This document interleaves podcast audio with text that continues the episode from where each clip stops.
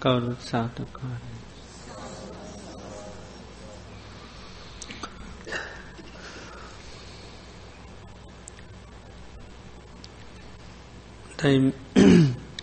මේ වෙලාවෙත් අපි භාවනා මනසිකාරයක එදී වාශය කරමු.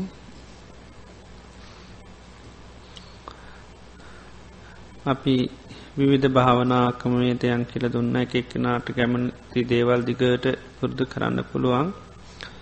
තින් මේ වෙලාවෙත් අපි හවස දේශනා කරපු ඒ සුතවන්ත සූත්‍රයේ දේශනා කරලා තියෙනවා පංචුපාදානස්කන්දයන්ගේ ආදීනුව බලන්න. අපි මේ වෙලාවේ එයාදීනුවන්ගෙන් එකක් භාවනාවස්යෙන් පුරුදු කරමු. තිං පොඩි වෙලාවක් විතරක් කරන්නම්. අනිත් අයට තමන් කරන භාවනාව හිත යොමු කරන ඉඩක් පුළුවන්. අලුතෙන් පුහුණු වෙන කෙනකුට අපි කරන කමවේදේ පුහුණුවක් හැටියට කරන්න ඒ භාවනාව මේ වෙලායි පොඩි වෙලාවක් කරනවා. ඉන් පස්සේ කවුරුත් නිසද්දව අපි භාවනා මනස්කාරකයේ දීවාසය කරමු. ඒ දේශනයේදී බුදුරජාණන් වහන්සේ මේ සාධපතු මහරාතන් වහන්සේ පෙන්වා මේ පංචුපාදානස්කන්ද අනිත්‍ය වසයෙන් දුකාක්‍රෝගයක් ගඩුවත්වාලයක් ආදී වසයෙන් මේ පංචුපාදානස්කන්දී තියෙන ආදීනව හොඳට සිහි කරන්න කියලා. ආදීනව සී කරන්න සී කරන්න අන්නේ පංචුපාදානස්කන්දයන් පිළිබඳව තියෙන සකහා දිට්ටි විජිකිච්චා සීලබ්බත පරාමාශ කියන මේ සංයෝජනයන් නැති කරන්න නැති වෙලා සෝතාපන්නුවෙන්ඩත් හැකියාවතියෙනවා කියලා. ඒ වගේම ඒවාම තව දුරටත් දියුණු කිරීම තුළ සකදාගාම යනාගාම අරහත් කියන ඒ මාර්ග අරහත් පලේ දක්වාම අපේ මනස දියුණු කරන්න පුළුවන් භාවනා ක්‍රමයන් ඉතිං එනිසාපී ඒ භාවනා ක්‍රමයක් මේ වෙලාවේ පුරුදු කරමු කැමති කෙනෙකුට තොට ඒවා ඒ වගේ ක්‍රමවේදයන් වරින් වර පුරුදු කරන්න පුළුවන්කම ලැබෙනවා. හොඳ ඒ නිසා දැන් අපි ඒ පංචුපාදානස්කන්දයේ තියෙන ඒ ආදීනුව ස්වභාවය නුවනින් විමසා බලමු මේ කවුරුත් තමන් ඉන්න ඉරියාව හොඳට කෙලින්තියාගෙන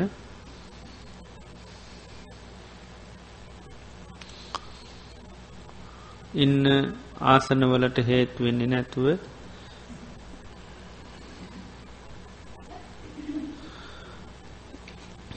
මං මේ මොහොතේ ඉඳගෙන ඉන්නේ කියල හොඳට කීපතා වත්සහි කරන්න. මං මේ ඉඳගත්තේ භාවනා කරන්න.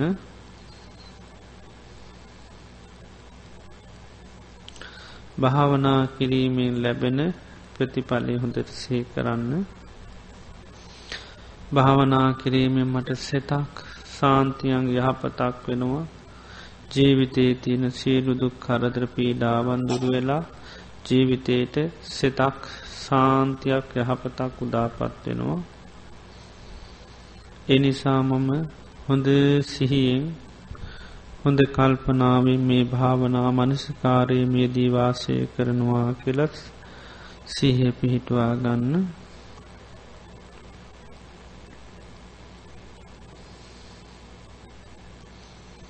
මේ මොහොතේ මේ පංචුපාදානස්කන්දයන්ගේ ආදීනුව මම හොඳට නුවනින් විමසා බලනවා.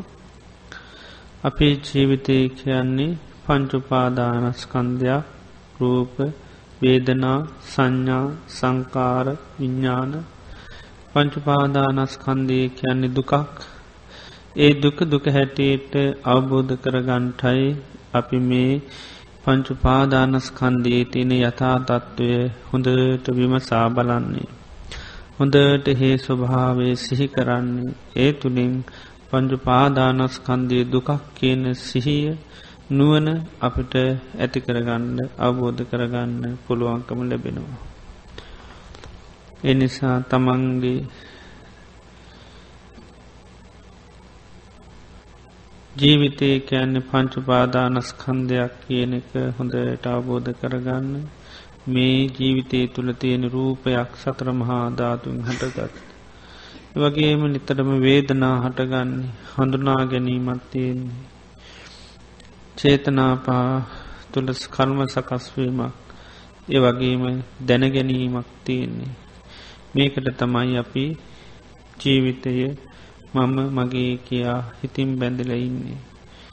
ආනේ පංචු පාදානස්කන්දයේ ඇත්ත ස්වභාවය සිහි කරන්න. මේ රූපය කියන්නේ මොන වගේ දෙයක්ද කියන එක. බුදුරජාණන් වහන්සේ දේශනා කරන්නේ මේ රූපය අපි බලන්න කියනවා රෝගයක් වගේ. මේ රූපය කියන්නේ රෝගයක්. අපි රෝගය කියන එකේ ස්වභාවය හොඳට දන්නවා. රෝගයක් තියෙන තාකල් අපිට විඳවන්න තියෙන්නේ. එනම් රූපේ තියෙන තාකල් අපිට විඳවන්න තියෙන්නේ. රූපය රෝගයක් හොඳට අර්ථයයි අවබෝධ කර ගණ්ඩෝනි රූපය කියනකට මේ සත්‍ර මහා ධාතුන් හටගත්ත මේ කය. රෝගයක් නොන මේක තියෙන තාකල් විඳවන්න තමයි තියෙන. වේදනාව රෝගයක් වේදනාව කියනකට සීලු විඳීම් රෝගයක් කනට සියලු විඳීම් පවතින තාකල් අපිට බිඳවන්න තියෙන්නේ. සංඥාව රෝගයක් හඳුනාගන්නා දේවල් තියෙන තාකල් විඳවන්න තියෙන. සංස්කාර රෝගයක් සකස් වෙන තාකල් අන්න විඳවන්න තියෙන. මේ විඤ්ඥානයත් රෝගයක් දැන ගැනීම තියෙන තාකල් රෝගයක් තියෙන වගේ විඳවන්න තියෙන්නේ. පංච උපාදානස්කන්දේම රෝගයක් පවතින තාකල් විඳවන්න තියෙන්නේ.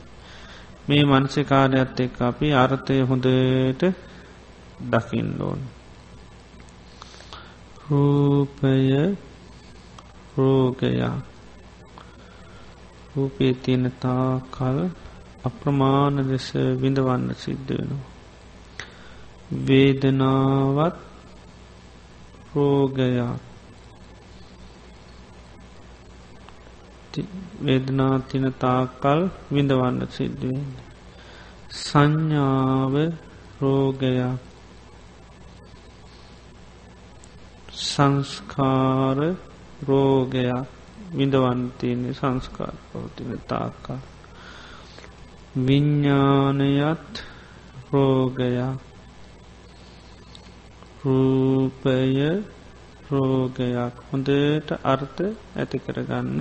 අර්ථ දියා හොඳට තම නුවනින් බලන්න. රූපේ තියන තා කල් විඳවන්න තියෙන්නේ. වේදනාවත් රෝගයක්. සංඥාවත් රෝගයක්. සංස්කාරත් රෝගයක්. විඤ්ඥානය රෝගයක්.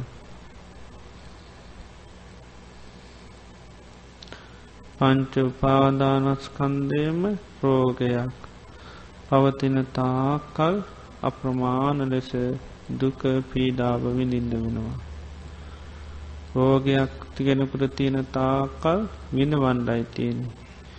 රෝගය කැන්නේ මහා රිතුන් වේදනා පීඩාපදෝන එක. මේ රූපය කියන්නේ රෝගයක් වේදනාවත් රෝගයක් සංඥාවත් රෝගයක් සංස්කාරත් රෝගයක් විඤ්ඥානයත් රෝගයක් පංච උපාදානස්කන්දයම රෝගයක් හොඳට අර්ථය මේ සිහිකිරීමත් එක් ඇති කරගන්න ඕන. රූපය රෝගයක් වේදනාවත් රෝගයක්. සංඥාවත් රෝගයක් සංස්කාර රෝගයක් හොදට අර්ථය තමන්ගේ නුවනින් දකිින්ඩෝනි. රූපේ තියෙන තා කල් විඳවන්ඩයි තියෙන්නේ කෙනර්ථයයි ඇති කර ගන්නවා. වේදනාව පවතින තා කල් විඳවන්ඩයි තියෙන්නේ. සංඥාව පවතින තාකල් විඳවන්න තියෙන. සංස්කාර පවතින තාකල් විඳවන්න තියෙන්නේ. විඤ්ඥානය පවතින තාකාලුත් විඳවන්න තියෙන්නේ. එනිසා මනසකාරයත් සමඟ හොදට අර්ථය තමන්ගේ මනස නුවනින් දකිින්ඩෝන්. රූපය රෝගයක් කෙනකට අර්ථය හොඳට තමන්ගේ නුවනින් අවබෝධ කරගන්න. ඒ සඳහා හොඳට නුවන මෙහෙවන්නෝ. රූපය රෝගයක්. වේදනාවත් රෝගයක්. සංඥාවත් රෝගයක්. සංස්කාර රෝගයක්. විඤ්ඥානය රෝගයක් විඳවන්න තියෙන් පංචුපාදානස්කන්දම රෝගයක්.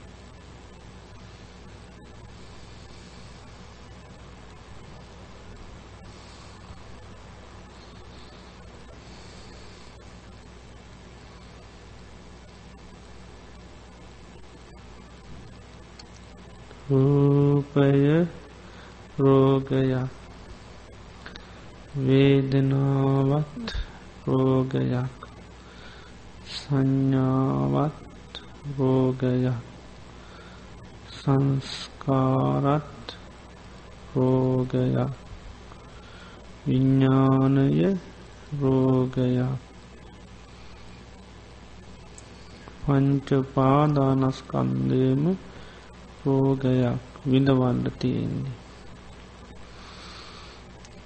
රූපය රෝගයක් රූපී පවතින තාකල් අපරමාන පීඩාවින් සිදුවෙන. රෝගයක් පවතිනවා වගේ. රෝගයක් තින තාකල් සැපයක් නෑ විඳවන්න තියෙන්. වේදනාවත් රෝගයක්. වේදනාවින් තාකල් විඳවන්න තියෙන රෝගයක් තියෙනවා වගේ. සංඥාවත් රෝගයක්. සංස්කාරත් රෝගයක් විඳවන්න තියෙන. විඤ්ඥානයක් රෝගයක් වගේ. විඳවන්ඩ තියෙන්නේ පවතින තා කල්ල ප්‍රමාණ දුකා. රූපය රෝගයක් වේදනාවත් රෝගයක්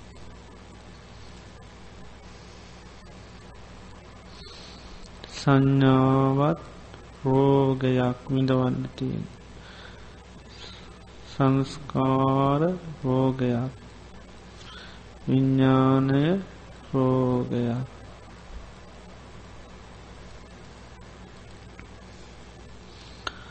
පංචපාදානස්කන්දයම රෝගයක් පවතින තාකල් අප්‍රමාණ දුක් විදින්න ඇතිද.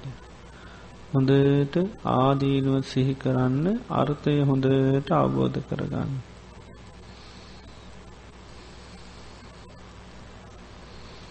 රූපය රෝගයක් රෝගයක් පවතනාවගේ විඳවන්න තියෙන.